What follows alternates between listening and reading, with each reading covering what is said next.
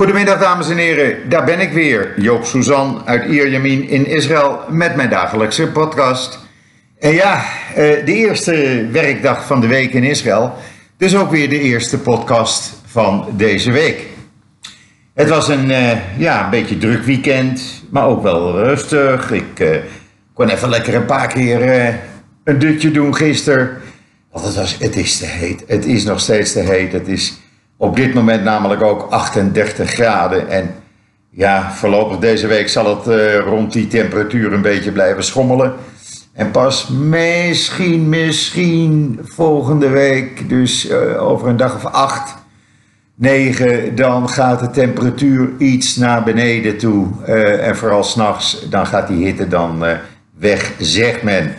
Maar eerst zien, dan geloven, zoals dat heet. In ieder geval, we hebben een, eh, een volle podcast.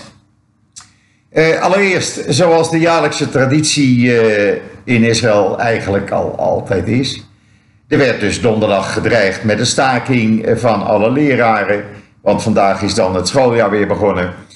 En zoals ook de traditie wil, gebruikelijk, na die dreiging werd er onderhandeld. En vrijdagmiddag, nog voor de Shabbat begon, was er een overeenkomst en krijgen de leraren voor allerlei projecten en de scholen voor allerlei projecten er weer geld bij. En zo gaat dat elk jaar en zo ging het dus ook dit jaar. Het is een traditie in Israël, niemand die er echt wakker van ligt. Alleen eh, het ministerie van Financiën, want die denkt, oh jee, oh jee, dan gaan ze echt staken. Maar ja, er moesten toch uh, 2.354.000 Israëlische kinderen en jongeren naar school. Ook de universiteiten uh, zijn weer begonnen. En ja, dat is een heel feest hier. Uh, de eerste schooldag, dan zijn de scholen versierd, ook die bij ons in de straat. Scholen versierd, er wordt van alles uitgedeeld aan de kinderen. Er lag een rode loper naar de school toe. Alle ouders kwamen natuurlijk, want zo hoort dat. En uh, ja, daar wordt een heel feest van gemaakt. Uh, ik heb ook de foto's al uh, inmiddels gezien van de kleinkinderen die naar uh, de scholen gingen. Althans, de kleinste, die voor het eerst naar de eerste klas gingen. Of naar de kleuterschool. En ja, die waren dan ook helemaal feestelijk gekleed. En helemaal gespannen. Gisteren al, we hadden gisteren een surprise party van een van de zoons die 40 werd. En ja, eh, toen waren de kinderen, althans de kleinste, waren toch al wel uh, nerveus van oh jee, oh jee, morgen gaat het beginnen. En het is vandaag begonnen en het is allemaal goed gegaan. Dus ja, dat hebben we dan ook weer gehad. Alhoewel, het, het is een korte schooltijd, want op 17 september zijn de verkiezingen, dan zijn de scholen dicht. En 29 september, s'avonds, begint Rosh Hashanah. Dan zijn de scholen ook weer dicht. Daarna krijgen we uh, Yom Kippur een week later. Uh, en uh, Sukkot. En dan zijn de scholen ook weer twee, tweeënhalve week dicht. Dus ach, medelijden heb ik niet met de kinderen. Goed, dan de spanning in het noorden van Israël, want dat loopt toch wel langzamerhand wat meer op. U kunt het allemaal volgen en lezen in joods.nl. Want zodra er iets gebeurt, melden we dat via joods.nl.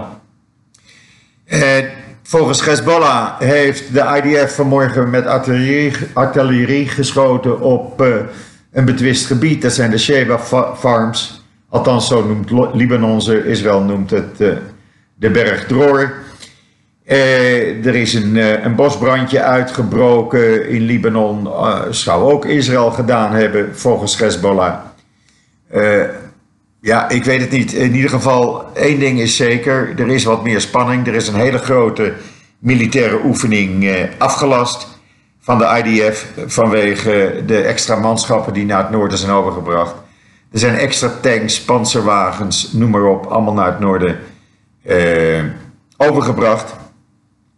Nasrallah heeft gisteravond vanuit zijn bunker weer zijn wekelijkse toespraak gehouden tot al zijn volgers. En heeft gezegd vanuit zijn veilige bunker 50 meter onder de grond dat uh, het besluit om wraak te nemen op Israël is genomen. Maar zegt hij, uh, Israël had ons helemaal niet hoeven aan te vallen, want we hebben geen precisieraketfabrieken. Nee, die zijn ook niet van Hezbollah, die zijn van Iran namelijk. En eh, op die manier kan je dat natuurlijk wel uitleggen dat je ze niet hebt, want ze zijn van Oran, Iran. Iraanse eh, eh, generaals zijn daar de baas. En Hezbollah-strijders doen het werk samen met Iraanse soldaten. Dus wat dat betreft heeft hij eh, ergens wel gelijk, maar hij liegt natuurlijk. eh, ja, dat hij dubbel ziet, laten we het zo maar zeggen.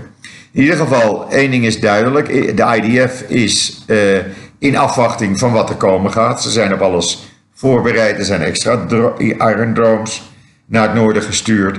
Je kunt het allemaal zien op joods.nl. en ook allemaal lezen, ook filmpjes staan daarbij, et cetera.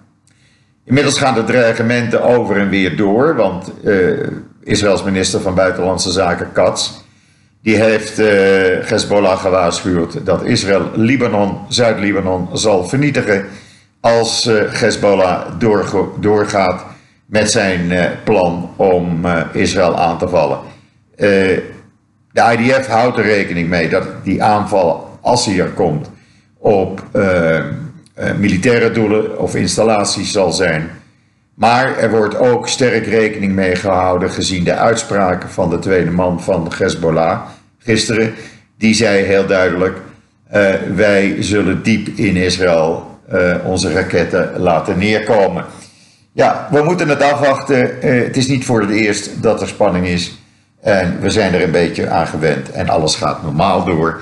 Zoals elke dag het leven in Israël doorgaat. En dan vandaag, eh, ja, ik zei het al eerder, de scholen zijn geopend. En eh, in Hasha- Hashagar, dat is een settlement op de Westbank. eh, daar speelde een vader klarinet bij de ingang van de school. Die school is namelijk vernoemd naar een van zijn twee zoons die omgekomen zijn. Eén zoon is omgekomen toen hij in een overstroming terechtkwam in de Negev eh, met zijn schoolklas. En de andere is omgekomen bij een terreuraanval. En eh, hij eh, speelde nou vanmorgen bij die school die naar zijn zoon vernoemd is op de klarinet. Want ja, dat geeft hem rust in zijn hoofd, zegt hij. En dan, het is vandaag eh 80 jaar geleden dat Duitsland de Tweede Wereldoorlog startte. Heel bijzonder is dat vanmorgen de Duitse president in Polen de Polen om vergeving heeft gevraagd.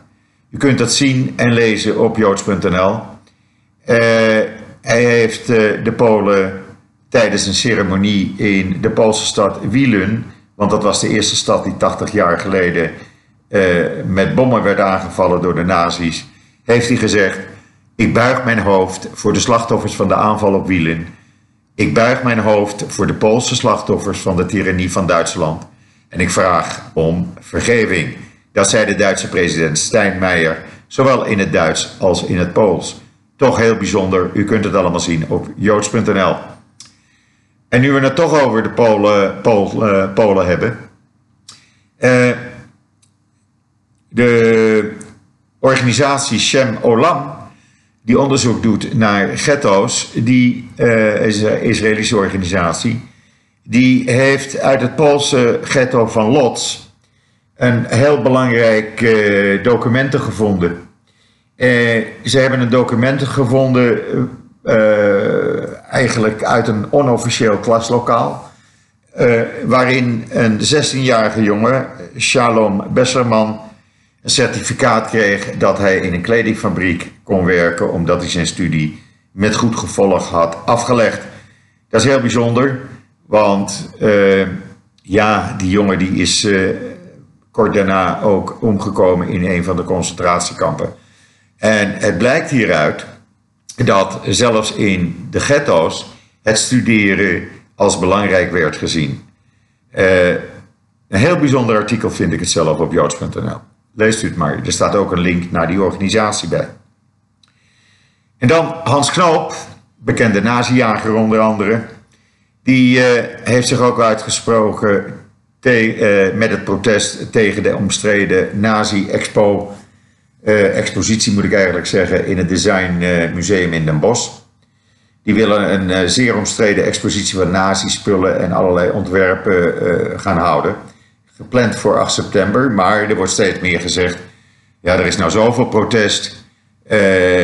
dat moet gewoon stoppen. Die tentoonstelling mag en moet niet doorgaan. Daarbij komt dat men inmiddels weet dat die tentoonstelling, althans volgens veel critici, helemaal op historisch verkeerde gronden is opgezet. En louter, louter is omgezet vanwege de ambitie van uh, de organisator.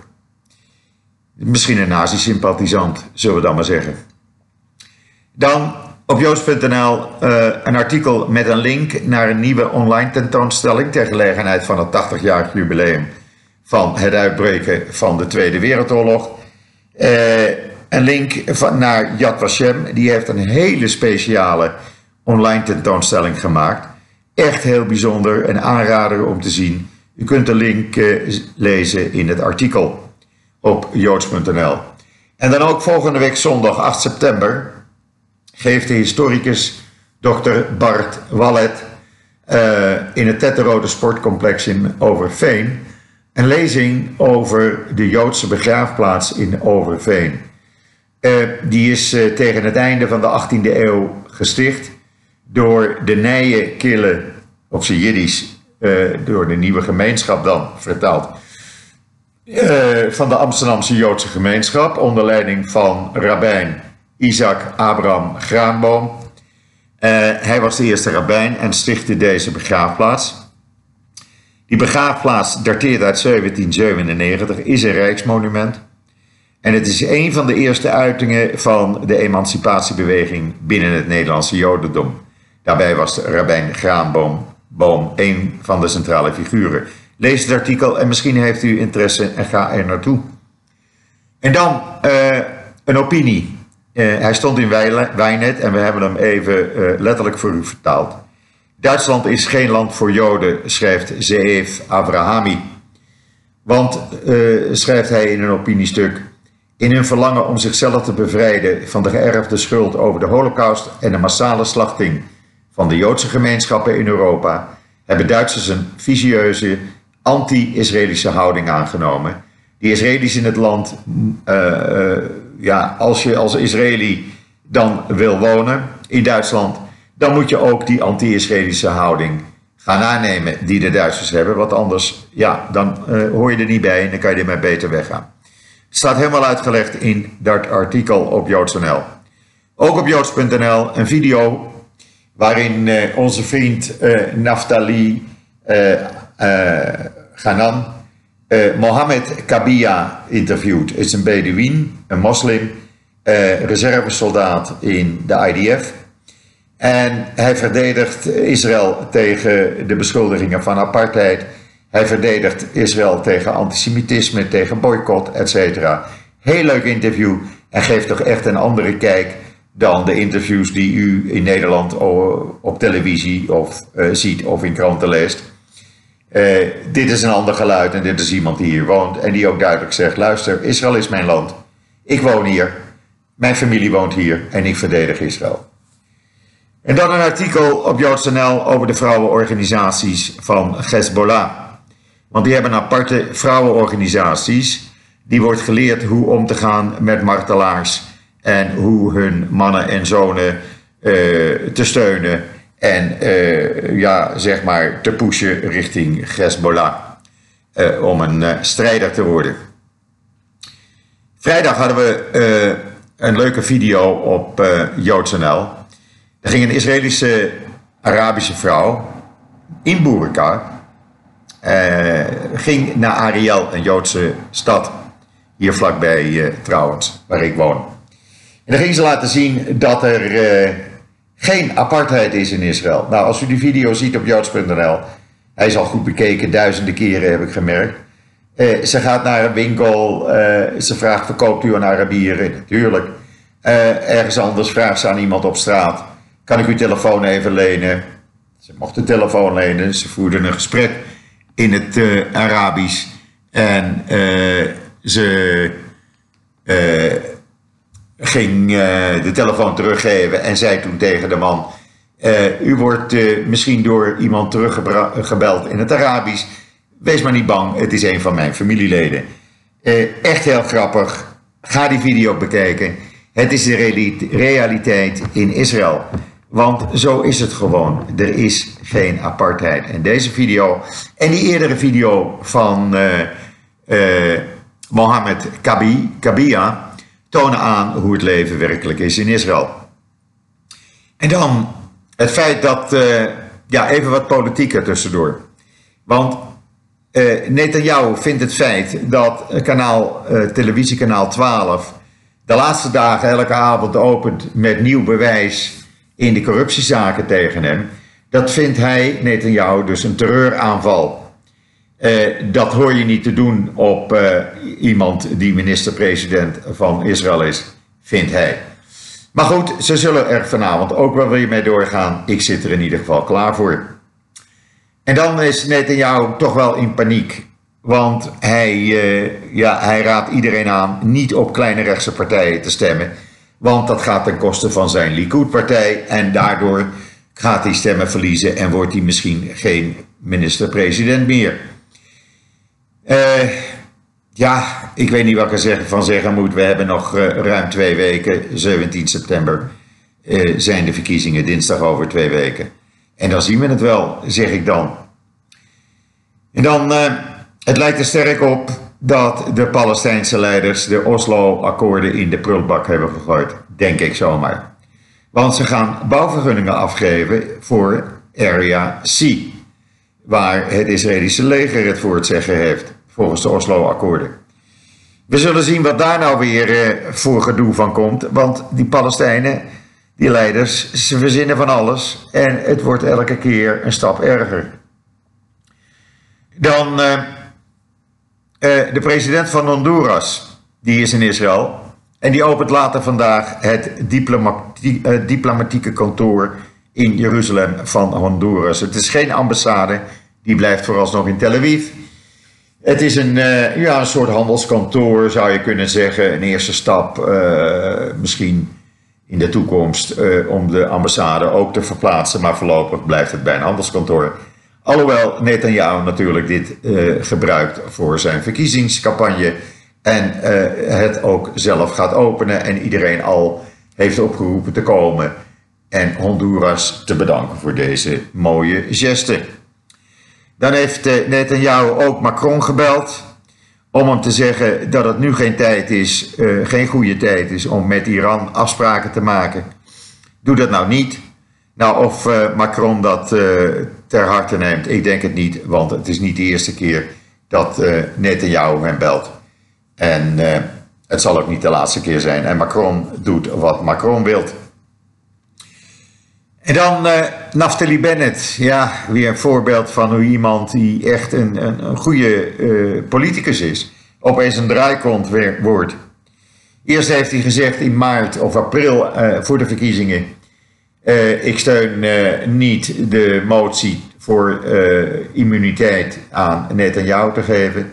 Toen zei hij na de verkiezingen, nou, ik steun die motie wel. In juli zei hij, ik steun die motie niet. En nu zegt hij, nou, ik steun die motie wel. Netanyahu moet maar immuun voor vervolging worden verklaard. Daar moeten wij voor zorgen. Hoe iemand een draaikont kan zijn. En dan... Lieberman, ja, hij is er nog steeds hoor. Over de uitspraken van de extreemrechtse ministers Peretz en Smotrich. U weet, die twee door Netanyahu benoemde interim-ministers. Uh, die heeft uh, nu gewaarschuwd: mensen, als we niet op tijd wakker worden, dan uh, wordt de staat Israël veranderd in een staat waarin de religieuze wetten alleen maar gelden en de seculaire inwoners een zeer zware prijs moeten betalen voor dit messiaanse fenomeen. Ja, ik zelf ben ook geen voorstander van deze twee settlerleiders die extreem rechts zijn en die echt de, de, de staat Israël willen veranderen in een, ja, een, een, een staat waarin alleen maar de Torah geldt. En dat kan natuurlijk niet.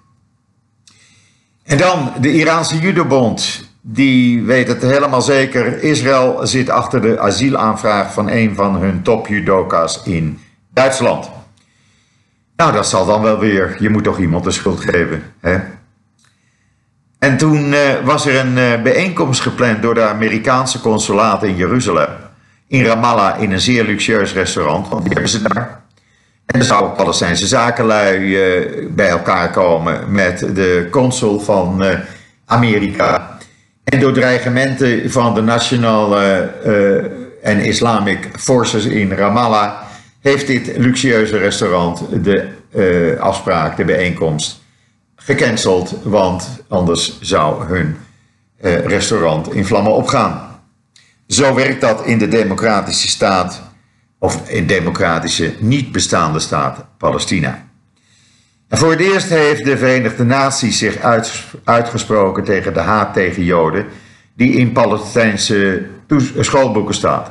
En de toespraken van Palestijnse leiders uh, vol haat tegen de Joden. Nou, echt, de vlag mag uit.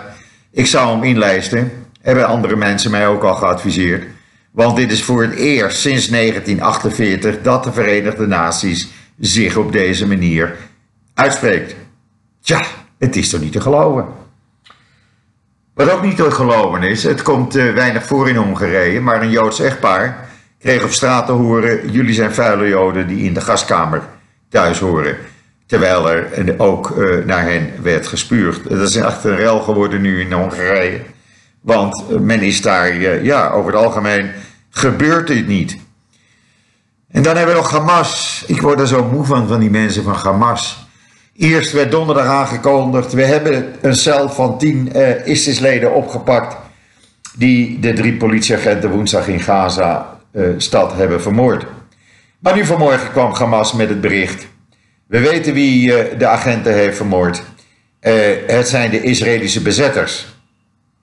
Nou, ik moet u zeggen, de enige Israëlische bezetters die, en soldaten dus, die in, in Gaza zijn, zijn de twee lichamen van twee door Hamas in 2014 gedode IDF-soldaten.